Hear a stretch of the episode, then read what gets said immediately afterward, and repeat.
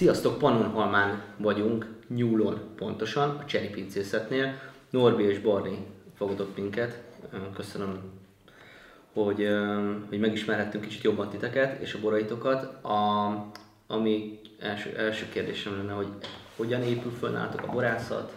Tudom, hogy 10 hektáron dolgoztok, ugye nektek is Pannonhalmán, a többi pincészetnél megismertünk, a rajnai az egyik fő fajta, de ugye nem csak rajnaitok van, és amúgy meg a rajnai is egyedülálló az országban ebben a stílusban. Így röviden, így mondjuk a rajnaival kezdve bemutatkoznátok? Igen. Szeretettel köszöntök én is mindenkit, aki ezt látni fogja. Hát igazából ugye mi egy viszonylag kis pince vagyunk, főleg itt a borvidék tekintetében azért vannak nálunknál jóval nagyobb birtokok, és újak is vagyunk valamilyen szinten, tehát egy viszonylag új szereplői vagyunk a borvidéknek, 12 óta készítünk borokat. És hát mostanra nagyjából az elmúlt pár évben kialakult az, hogy kinek mi a feladata a pincénél. Egy picit mindenki mindennel foglalkozik. Nyilván a marketing az egy olyan része a történetnek, amiben mindenki egy bizonyos szinten belefolyik, akár borfesztiválok, vagy budapesti rendezvények, vagy az ország más részén levő rendezvények kapcsán de alapvetően mindenkinek megvan a saját feladata. A párom az elsősorban a, marketinggel, adminisztrációval, kapcsolattartással, akár a, a beszállító vagy a, vagy a vásárló partnerekkel történő kapcsolattartásban segít, vagy dolgozik. Barnabás a szőlőért felel, azt mondom, hogy 99%-ba, de egy picit ő is belefolyik a borászati munkába, hol többet, hol kevesebbet de ez legfőképpen azért a kevesebbet, mert ő tényleg a szőlőre koncentrál teljes egészében. Tehát már azt lehet mondani, hogy teljesen ő irányítja a szőlőben a munkát, nyilván velem egyeztetve, de én nekem ezáltal jóval kevesebb a kontrollfeladatom kint a szőlőben, csak hogyha valami nagyon nagy probléma van, vagy, vagy nagyon nagy dilema előtt vagyunk, akkor, akkor én is kimegyek, körülnézek, egyeztetünk. És a pincében történő dolgokért, magukért a borokért, hogy hogyan készülnek el a borok, miből mi fog készülni, azért én felelek. Úgyhogy nagyjából így áll össze a történet, és hát igyekszünk megfelelni a vásárlói kihívásoknak. Fajták tekintetében akkor még annyit, hogy a rajnai részünk ugye a főfajtánk, abból három hektárunk van, szintén 3 hektár merlónk van, ez a kettő a fő csapásvonal, azt mondjuk. Ugye merlóból is nagyon sok minden készül, rozé alapanyaghoz készítünk belőle, alapvöröset, prémium vöröset, Rajnaiból szintén készítünk nagyon sokfélét, ezen kívül van Pinot Blancunk, Sauvignon Blancunk, Traminink, úgyhogy viszonylag sok fajtával foglalkozunk, még van néhány kékszőlőnk, például a kékfrankos Cabernet Franc, úgyhogy elég széles így a szortiment már a szőlők tekintetében is. A, az, hogy maga a szőlőben hogy dolgoztok, vagy a borászatban hogy dolgoztok, az milyen filozófia mentén dől el, vagy jól tudom, voltál ki Németországban is. Igen, én fél évet voltam kint Lózenéknál, dr. Lózen borászatában. Mm, főleg a Rajné Riesingről tanultam nagyon sokat, én úgy gondolom, de talán a szemléletben is sokat tanultam, hogy ők hogy foglalkoznak a borokkal. Próbáljuk mi is azt is követni, meg, meg van egy saját elképzelésünk, hogy próbáljuk minél természetközelibb módon foglalkozni mind a szőlővel, mind a borokkal. Nyilván a szükséges lépéseket elvégezzük mind szőlő, mind borállapotban, de próbálunk bioszereket használni egyre többet, próbáljuk zöldíteni a sorokat, a mi ültetvényeink általában egy kicsit gazosabbak, mint a, mint a többieké, viszont szép zöld együttetű a lombfal és ugye az ajnövényzet is. És nagyjából ez hány palackot jelent évente, amennyit ti? Hát ha értékesítésről beszélünk, akkor a tavalyi, tavaly előtti évben, most már arról tudunk beszélni, az egy kimagasló év volt, 65 ezer palackot adtunk el. Az indulásunk első évében 12 volt az első szület, 13-mal kezdtünk értékesíteni, talán ilyen 3,5-4 ezer palackot adtunk el, tehát röpke 6 év alatt fejlődtünk 65 ezer palackra. Hát a tavalyi év nyilván az egy nehéz év volt, úgyhogy ott azért némi visszaesés történt, bár bennünk volt a, a növekedésnek a lehetősége, de nagyjából ilyen 60-70-80 ezer palack készül a pincénél jelen pillanatban. Mi a fő csapásvonal a kedvenc volta? Rajnai Riesling. És a visszaigazolás a piacra ezt, ezt visszacsatoltanak? Abszolút. Abszolút. Bár ebbe azért azt hozzá kell tenni, hogy uh, nyilván nagyon sok munka van, uh, mert azért amikor mi 12-ben elkezdtük a, a dolgot, uh, és volt olyan kereskedő, akinek elmondtuk, hogy mi Rajnai Rieslinggel szeretnénk kiemelten foglalkozni, azt mondta, hogy éhen fogtok halni. mert hogy eladhatatlan fajta. Azért ebben nagyon sok munka van az elmúlt 7-8 évben, hogy a, magát a fajtát is ilyen szintre tudtuk emelni. Azt gondolom, hogy azért ebben nagyon sokat segít a, a borvidéki kommunikáció, ahol szintén azért legtöbbször az jön le, hogy a Rajna az nagyon jól fekszik ennek a borvidéknek, tehát otthon érzi magát a fajta. Itt ezen a borvidéken nagyon szép arcát tudja mutatni, úgyhogy úgy gondolom, hogy, hogy a piac mindenképpen visszaigazolja, de dolgozni kellett rajta. Bontok is egyet. Többféle rajnaitok van, ugye? Nem csak egy. Igen. Így van. Mi azt valljuk, hogy nem válogatunk területenként szőlőt, mivel elég egységes a talajszerkezet nálunk, egy ilyen homokos, homokos lösztalajon dolgozunk. Itt-ott vannak benne kövesebb részek, de nagyjából egyöntető a dolog, és ezért inkább egyes területnek egyes részeit szedjük le, vagy pedig az érési stádiumot különítjük el, vannak magasabban lévő részei a területnek, ott mindig jobban érik a szőlő, az alacsonyabb részeken mindig kicsit több sav, savval, több lével tudjuk szüretelni, és mi ezeket a részeit válogatjuk külön, és ezekből készül el a több területről a többféle rajnai részling. És ez a, amit most ez a Septimus névre hallgató, vagyis a hetes tétel, egy 17-es évjárat, és a különlegessége az, hogy mi alapvetően irányított terjesztéssel dolgozunk, ami ugye annyit takar, hogy ugye használunk fajélesztőt. Ennél a tételnél nem használtunk fajélesztőt, ez egy spontán erjesztett, tulajdonképpen ez a második spontán erjesztett tételünk, mert 16-ban próbálkoztunk vele először, és az egy évig volt tölgyfahordóban, 500 literes tölgyfahordóban. Ez egy limitált széria, igazából ebből nagyjából egy ilyen 600 palac készül, kvázi egy 500 literes hordót szoktunk ebből készíteni. Visszatérve kicsit erre a fejlesztőre, mert általában ezzel mindig meg, megakadunk egy pillanatra mostanság. egy neves szomelié mindig azt mondja, hogy a fejlesztő a borok vegetája elég, eléggé felszínes megközelítésnek gondolom ezt, mert ugye alapvetően ez egy technológia, amivel sok esetben foglalkoztok. Van egy elképzelés, hogy mivé válik majd a szőlő. Gondolom a boraitokat kóstolva egyértelműen nem azt érzem, hogy itt technológia a fő uralkodó, hanem inkább precíz vonalvezetés, feszes savak, egy nagyon kerek, szép illat, tehát teljesen egy, egy magas kategóriás borról beszélünk, akkor mi is ez a ez a élesztővel kapcsolatos probléma? Mit gondoltok, hogy ez hogy alakult ki? Hát sokan leegyszerűsítik a borászkodást arra a szintre, hogy teszünk hozzá valami olyan anyagot, ami, ami módosítja a fajtának a jellegzetességeit, vagy hagyjuk maga útján erjedni azt a bort. Én azt gondolom, hogy ez ennél sokkal komplexebb. Kezdődik ott, hogy hogyan műveljük a szőlőt, hogyan tartjuk a sorainkat, milyen térállásba dolgozunk, milyen zöld munkát csinálunk. Tehát ennél sokkal-sokkal bonyolultabb, mint hogy teszünk hozzá élesztőt, vagy nem teszünk élesztőt. Igazából bármelyik borunkat erjeszthetnénk, azt gondolom, élesztő nélkül, mert igyekszünk mindig a maximális minőség, minőségű szőlőt behozni a, a szőlőinkből. Nem ezen áll vagy bukik a történet. Az, hogy mi fajélesztőt használunk, az sokkal, sokkal inkább azért tesszük, mert egy piaci stabilitást elvárnak tőlünk a partnereink. És én azt gondolom, hogy akkor tudunk stabil partnerek lenni, akár étteremnek, akár, akár borkereskedésnek, akik esetleg aztán éttermek felé dolgoznak, hogyha egy bizonyos egységességet tudunk tartani évjáratokon keresztül egy-egy tételnél. Nyilván itt azért van egy évjáratbeli különbség, az időjárás, amit meghatároz, a csapadék mennyiség, a napsütéses órák száma, tehát azt gondolom, hogy egy ingadozás mindig is lesz az évjáratok között, ezt nem is szeretnénk, hogyha teljesen uniformizált borok készülnének évjáratról évjáratra, de azt gondolom, hogy az élesztő használat az segít minket abba, hogy, hogy egy konzekvens, folyamatos jó minőséget tudjunk biztosítani. Most akarom ebbe az irányba elvinni a beszélgetést, de gondolom azért élesztő és élesztő között is óriási különbség van. Hát hogy egyrészt az élesztő között is, másrészt meg nem mindegy, hogy milyen fajtához használunk élesztőt, mert egy írsai olivérnek viszonylag kevés arca van például. Tehát azt az emberek úgy szeretik, amilyen önmagában a, egy illatos, gyümölcsös fajta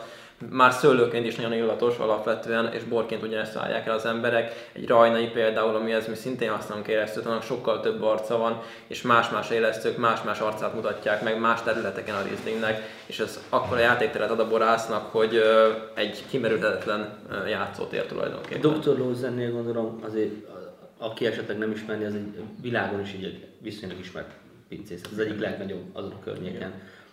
Ott ők hogy kezelték ezt a témát?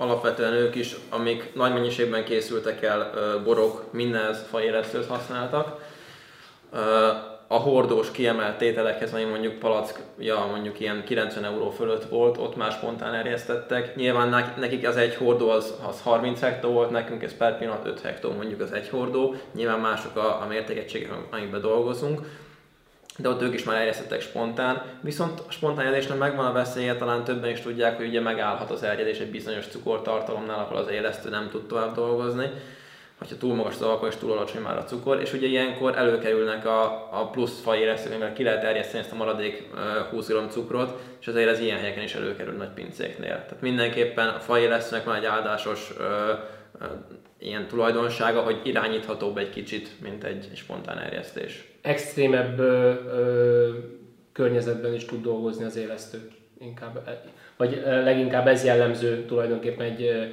fajélesztőre, hogy olyan extrém körülmények között is tud dolgozni, amikor már tényleg magas az alkohol, nincs oxigén a borban, magas a széndiokszid szint, tehát egy csomó olyan, olyan negatív dolog van, ami, ami gátolja mondjuk egy spontán erjedésnél a, a hagyományos élesztőnek a munkáját. Hogyan tudunk eligazodni itt a Rajné között? Ugye többféle van. Melyik, Igen. melyik? Mi arra gondoltunk, hogy szeretnénk a részlényeket valahogy csoportba foglalni nálunk, és próbáljuk érthetően, érthetően a piacra vinni őket.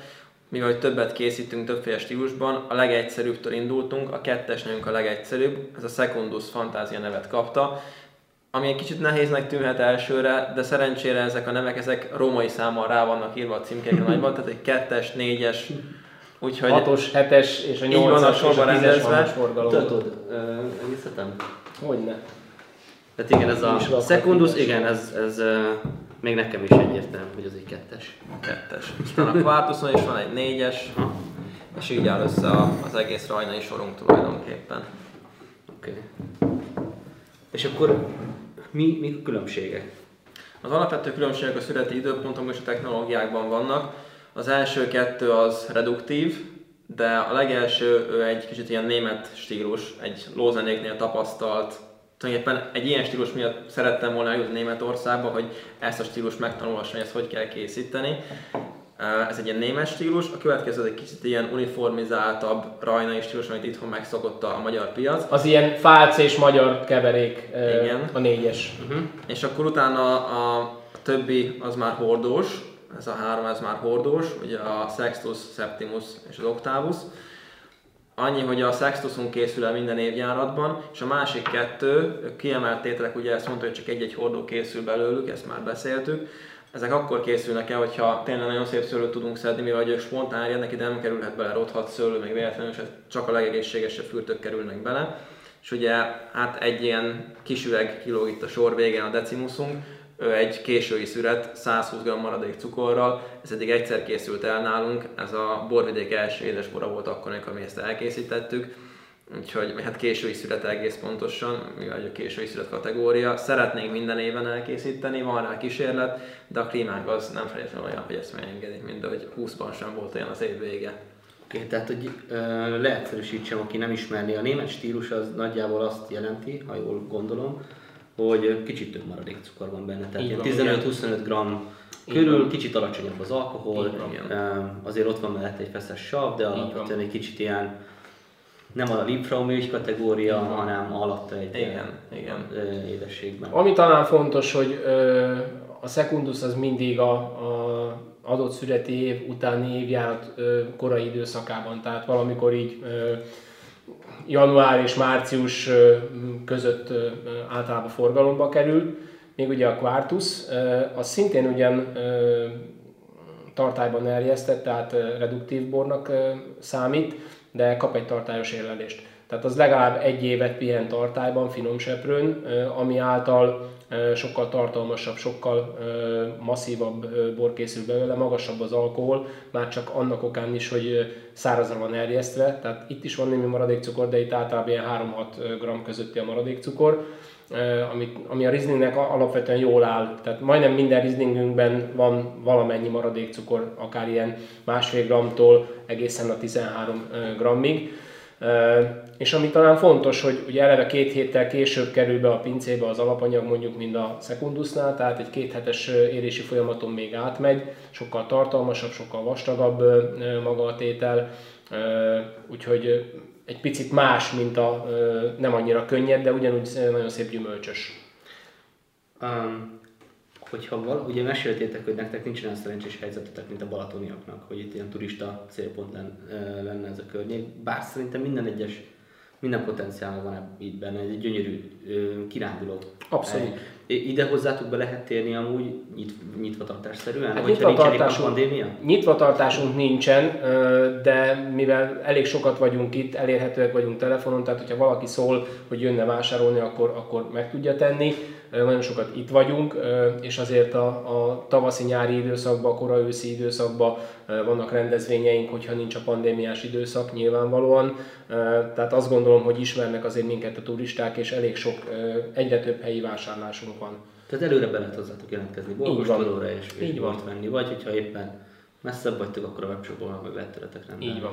Van még valami gondolat, amit úgy, úgy mindenképpen így, hogyha azt mondanák, hogy cseripince, akkor mi a, mit kell, hogy egy fogyasztó tudjon? Hát amit, amit kell, hogy tudjanak rólunk, hogy egy családi borászat vagyunk, úgy gondolom. Ugye négyünkből áll össze így most a, a szűk család, anya, apa, hugom, Augusta és én.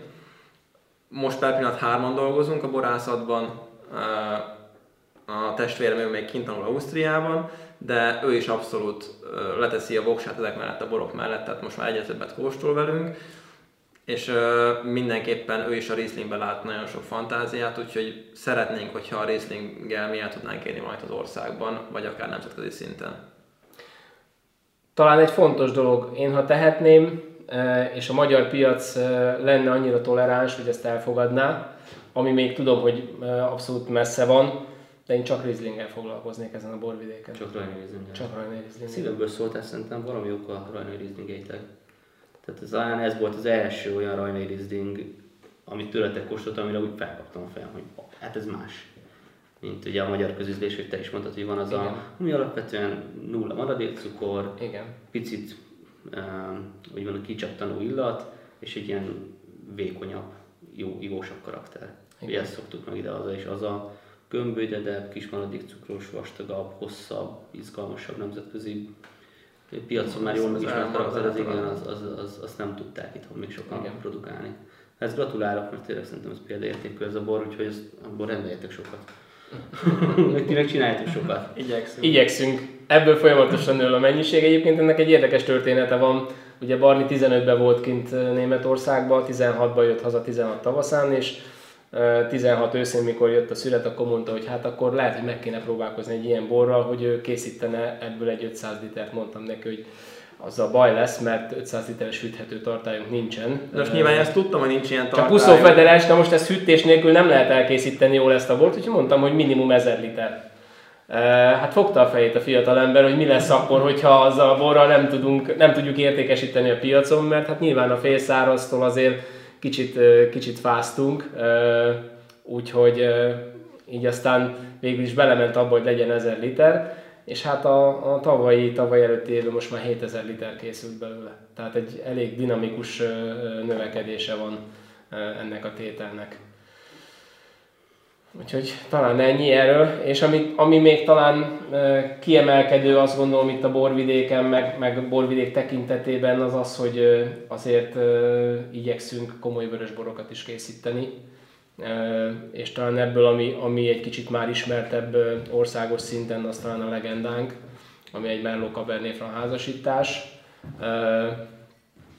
És hát tulajdonképpen ez a, a pincének a, a csúcsvöröse, mivel én, én elég sokáig dolgoztam az apátsági pincészetnél, ez a két fajta már akkor ö, nagyon megnyerő volt számomra. az infúzió is ebből van a merló. Igen, picit más a házasításnak az aránya, tehát ott több a merló, nálunk majdnem fele-fele 55 merló, 45 fran, egy éves részben új hordós érlelés. Mm, ezzel azért elég sok sikert tudtunk elérni ezzel a tétellel.